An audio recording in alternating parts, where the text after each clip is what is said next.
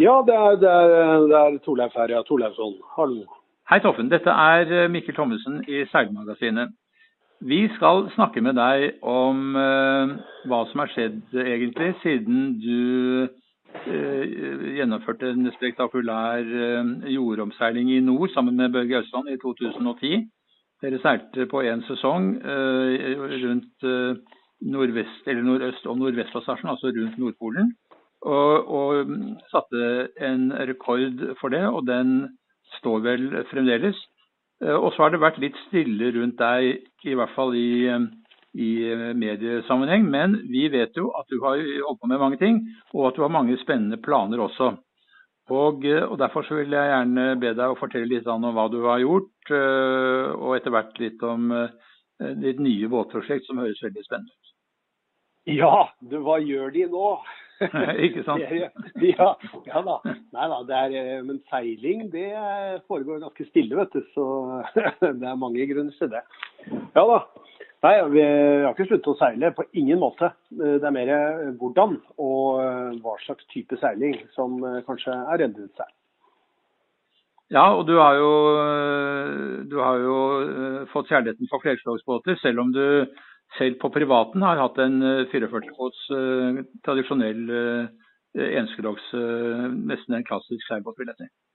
Ja da, jeg har hatt et smykke av en båt som jeg har stor glede av både på langturer og familiemessig i mange år. Og, og det, det, er en båt som heldigvis er solgt til venner av min eldste datter. Og dermed så er den jo ikke ute av Den er fortsatt der og nå tatt hold av gode eiere. Men det grunnen til det er at, seg, at eh, jeg fikk jo denne, denne lysten på flerskrog. Det er jo som å få eh, et eh, skudd av et visst stoff. altså. Når man virkelig får smaken på flerskrog, så er seiling plutselig blitt uh, mye rikere på mange måter.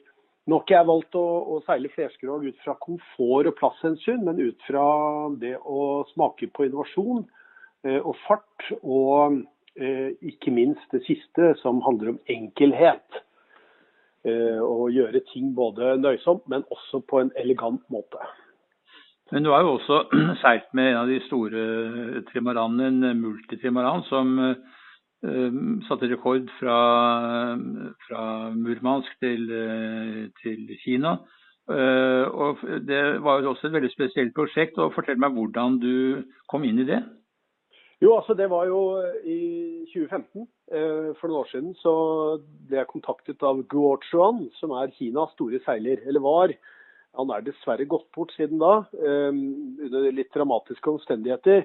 Men eh, han falt om bord på Hawaii under et rekordforsøk på å seile single-handed med denne trimaranen Qingdao, som er tidligere i dekk, 100-fots trimaran. Eh, ved Hawaii og ble sporløst borte der. Men han kontaktet meg da i 2015. Han ville seile The Arctic Silk Route fra, fra eh, Nord-Norge til eh, Kina og gå nordom hele det asiatiske kontinent, altså nordlig sjørute, eller det vi kaller Nordøstpassasjen. Og han trengte meg på laget for å forberede dette, i og med at jeg hadde seilt der tidligere i en trimaran. Eh, og jeg ble med på det prosjektet. Jeg ble med å jobbe sammen med Groa. Og det startet jo med en morsom innkjøpsrunde hvor vi skulle kjøpe trimaran. Eh, Dvs. Si alt som var av her, raske, store trimaraner. Um, og det er jo alltid eh, mye tilgjengelig. Så vi var rundt og så på det, og da fikk jeg også anledning til å bli kjent med mange hyggelige, dyktige franske flerslagseilere som han engasjerte. Vi, det ble jo til at de kjøpte i dekk. Og Francis Jojo skulle da bygge i dekkspor, og gjorde jo det. Som han vant rop til rømmen nå. Og da var den båten plutselig eh, den som prosjektet kjøpte. Dette var sponset av eh, regionen eh, Qingdao, og det skulle sette Kina på kartet seilmessig. Guo var en fascinerende fyr. Han hadde bestemt seg for å bli seiler, og han fortalte meg det at i Kina så har vi ingen individuelle helter. Vi har bare store tidligere førere som Mao og eh, store historiske skikkelser. Men vi har ikke den type oppdagere som forbilder i, i Kinas, på Kinas skoler og i, i kinesisk kultur. Og Derfor så ville han bli en av de første som kunne vise at det er mulig å reise seg opp og gjøre ting også basert på individuelle ideer og, og visjoner. Eh, og Dette prosjektet var veldig, veldig hyggelig. Det var selvfølgelig kaotisk eh, i litt sånn tradisjonell stil, kanskje. Men eh, det var også å ruste ut båten, seile den fra Frankrike, La Trinité-sur-Mer, teste den i Norskehavet, og vi lagde da en base i Kirkenes hvor alt ble forberedt. Og Seilasen ble som sagt meget vellykket. Det var et år uten et isflak i hele Nordøstpassasjen, og man kunne i og for seg seile helt uhindret eh, ned Beringstredet og til Qingdao, hvor han da ble tatt imot som den helten han absolutt var. Og Det er selvfølgelig å gjøre med Kinas satsing også i nordområdene, at dette var en fin måte å markere deres tilstedeværelse på. går jeg til. Ja, kanskje. Eh, det var, det eh, viste seg ikke være så veldig politisk, eh, dette prosjektet, som jeg trodde det skulle være. Jeg hadde jo en liten samtale med representanter for norske myndigheter før dette, men det var altså ikke noe Dette pågikk faktisk ganske så lite påaktet hen i Kina. Det var mer eksilkinesere som ikke bor i Kina, som fattet interesse for prosjektet primært. Men det måtte jo få politisk aksept i Russland, og det fikk man jo til. Det fikk man til, for det var, på den tiden var det god relasjon mellom Kina og Russland. Så det som da Børge og jeg skulle gjøre det samme noen år tidligere, så jobbet vi jo mye hardere for å få denne tillatelsen til til å seile gjennom eh, russisk territorium, eller altså hav- eller interesseområde, eh, eller suverenitetsområde som det heter. Og mm, sånn sett så, og En annen forskjell var at Guo fikk hornorkester på brygga eh, ved sin avgang. Det fikk ikke vi, altså. Men du var ikke med på den turen eh, gjennom Nordøstpassasjen. Der var du en rådgiver, men du var med og seilte en del ellers. Og hadde ting gått bra, så skulle du ha seilt båten eh, fra Asia og hjemover mot Europa igjen. Ja, det var planen. Og det, det strandet dessverre ved at uh, Guo under sitt rekordforsøk fra San Francisco til Shanghai falt over bord uh, et stykke utenfor Hawaii og er altså sporløst borte, dessverre. Så han er uh, dessverre gått bort på havet. Og Dermed terminerte jo det prosjektet. Men i, i løpet av de forberedelsene og all den seilingen der, så, så diskuterte jeg selvfølgelig mye konsepter med mange av franskmennene som var med. og eh, jeg fortalte at jeg var ute etter en, eh, en, eh, rask, enkel flerskrogbåt som jeg kunne seile i og for seg på havet med, men ikke men jeg vil ha noe enkelt og raskt, og da pekte de på en Multi 23 som jeg da fant i Stockholm. En veldig god um, en veldig spennende, moderne de France designet trimaran som er 23 fot og veier 370 kg og er ganske rask. Og um, Det valgte jeg da å kjøpe. og uh, Det er den nye seilingen altså hvor uh, du gjør raid langs kysten, du seiler på værmeldinger. og Det er, det er enkelhet. Det er, det er, ingen komplekse systemer med elektriske greier som går i stykker, og motorer, reservedeler. og det er jo en sånn brøk da med seiling. ikke sant? All den tid du bruker på betaling og vedlikehold kontra seiltid så har jeg kommet her over på en, eh, en helt annen brøk. Nemlig med mye mer seiltid enn vedlikeholdstid. Men denne båten, Du hadde altså en 44 fots turbåt med køyeplasser til åtte eller noe sånt, og nå har du fått deg en dagsseiler av en trimaran hvor det ikke er mulig å sove om bord i det hele tatt. Du kan sove på disse, uh, disse uh, side... Hva heter det for? Ja, på trampolinene, ja. På trampolinene, ikke sant? Ja. Det, det, kan du gjøre, ikke når du seiler kanskje, men når du ligger i land, så kan du gjøre det med en sovepose over deg. Men du sover da i friluft, og, og, det er selvfølgelig en fin måte å seile på også. Så det er kystseilas. Eh, og, eh, og, sikkert spennende. Denne båten gjør vel 20 knop ganske lett. Og, og, du seiler vel da stort sett i den retning som er gunstigst med vind og vær går ut ifra. Ja, altså det er jo, eh, dette er jo seil, en seilmåte som jeg ser eh, blir brer litt om seg. Altså Magne Klan seilte jo eh, denne seiljolla fra Nordkapp til Lindesnes. Fantastisk ferd. Og det er litt av samme type tenkning. altså Gjøre ting mye enklere og få mye mer seilglede, mye mer tid. Og denne fantastiske kysten vår er jo egentlig laget for, for denne type seiling. Og så må jeg bare si altså, Du kan sove om bord i en Multi 23, men du må bare passe på at ikke altså, Du må bare dekke deg til. Så det er ikke noe sånn at du ikke nødvendigvis kan gjøre noen døgns seilas. Det har jeg gjort med den, og det fungerer helt supert, det. altså. Du har sagt en gang at du sammenligner seiling med jazz. Kan du underbygge det litt? Ja, det, det, var faktisk noe som Gustav Brunli, min gamle venn og seilkompis, vi, kom, vi møttes jo gjennom interesse for oss.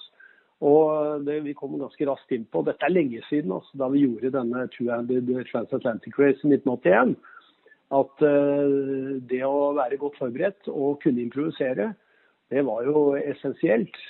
Og havseilere som er langt ute på der og må fikse saker, oppdager hvor utrolig mye man kan få til hvis man er godt forberedt og samtidig tør å, utforske muligheter og improvisere ting. Så vi spilte jazz, vi jobbet som jazz, og når jeg senere i livet har blitt venner med jazzmusikere, så er det utrolig spennende å utforske og utveksle notater eller erfaringer, og oppdage hvor likt det er. Det er denne intensiteten, det er det å, å gå inn i en situasjon uten at man nødvendigvis kan teste den på forhånd. Eh, og mestre forholdene der de er. Også. Men det er jo med jazz som med seiling. Eh, det er å seile etter evne, og det er god forberedelse. Det vil alltid være en fordel. Har det noe med rytmen i en båt å gjøre? At man, når ting fungerer i en båt, og rytmen er der med mannskap og elementene, så er det som musikk?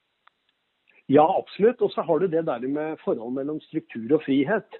Altså, Alle jazzband de, de, har en struktur, de har et, et, skjema. De spiller gjerne ut fra en standardmelodi. Det er visse eh, visse sekvenser hvor hver og en har sine soloer, de andre underbygger.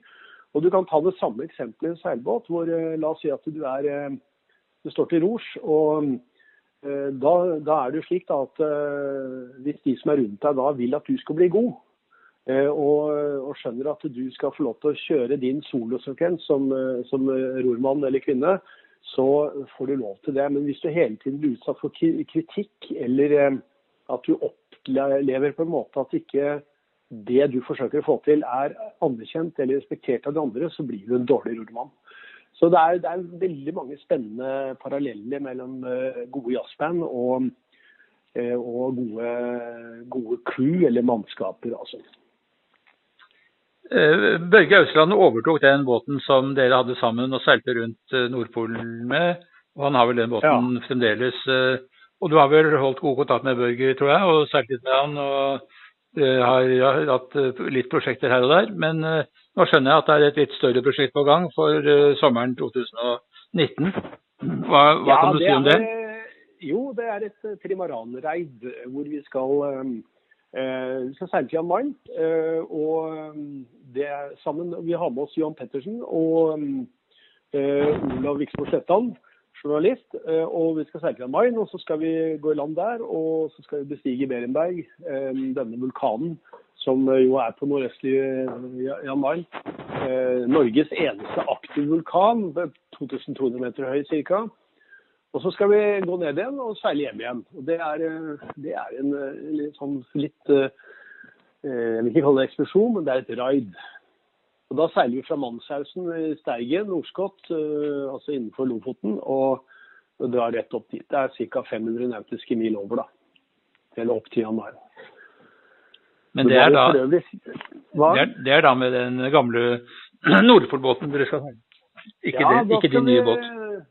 Nei, da skal vi seile Northern Passage. Og um, denne trimaranen det er en Corsair 31 den er jo kahytt, så der har du litt beskyttelse. Og det er jo greit å ha når du skal opp i de farvene der. Det er jo forholdsvis kaldt eh, oppe i januar. Du har beskrevet eh, denne nye båten som et bestefarprosjekt. Ja, det er, en fleip. det er jo det, Ja. Spørsmålet er da selvfølgelig Henspeiler du på din egen alder og, og, situasjon, eller tenker du at dette er eh, en måte du skal lære opp barnebarna med? Nei, det er jo faktisk en, en ja, begge deler. Men det er um, like mye en, uh, en, båt å utfordre seg selv på. Altså holde seg uh, hele tiden gå, søke litt grenser, prøve ut nye ting. Uh, seile flerslog er jo som å sykle enhjulssykkel. Det, det eneste måten å gjøre det på, er i og for seg å være i bevegelse. Eh, og jeg vet ikke om du har syklet enhjulssykkel, Mikkel, men det, du nytter ikke på en måte starte stille. Du må ha fart. Og flerskogbåten er eh, Der må du jobbe veldig dynamisk. Og det er en fin måte å utfordre seg selv på når man passerer eh, midtveis 60 og, og videre oppover, altså. Så var det, det var jo fleipekommentar fra en av eh, de um, mer kompetente gutta i Flerskrog-båtklubben, som uh, sa at ja, det er jo ingen bestefarsbåt, sa han da jeg fortalte om dette kjøpet. Så det er det som ligger i det, da.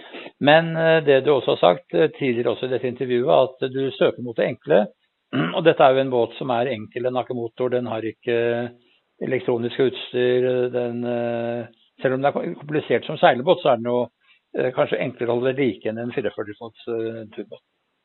Det er det, og igjen denne brøken. altså All tid man bruker på utrustning og tjener pengene for å holde en dyr seilbåt i, i toppstand, og den tid man reelt sett er under seil, er, den brøken er helt annerledes på denne måten. Og så er jeg litt inspirert av uh, Miles Davis uh, i jazzen. fordi at uh, da han kom med dette albumet 'Kind of Blue' i 1959, så introduserte jo han en helt ny måte å spille jazz på. Dette kan Carl Stelmer fortelle mye om.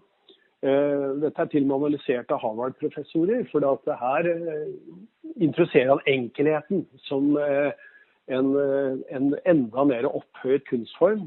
Folk slutter å danse, setter seg ned og lytter. Og eh, jeg er litt sånn inspirert av den tanken der, at du skal kombinere det enkle med det elegante. Og det uh, fins jo ikke noe mer elegant enn en lekker uh, flerskroggbåt tegnet av ledende franske designere.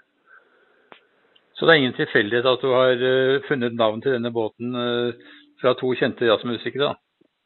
Nei, det er en gammelt, eh, gammel idé som Gustav hadde. Fats Garner.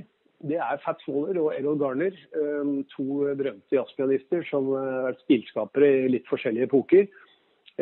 Så med å smelle de to navnene sammen, så har vi i og for seg favnet hele denne felles idéverdenen mellom jazzen og seilingen.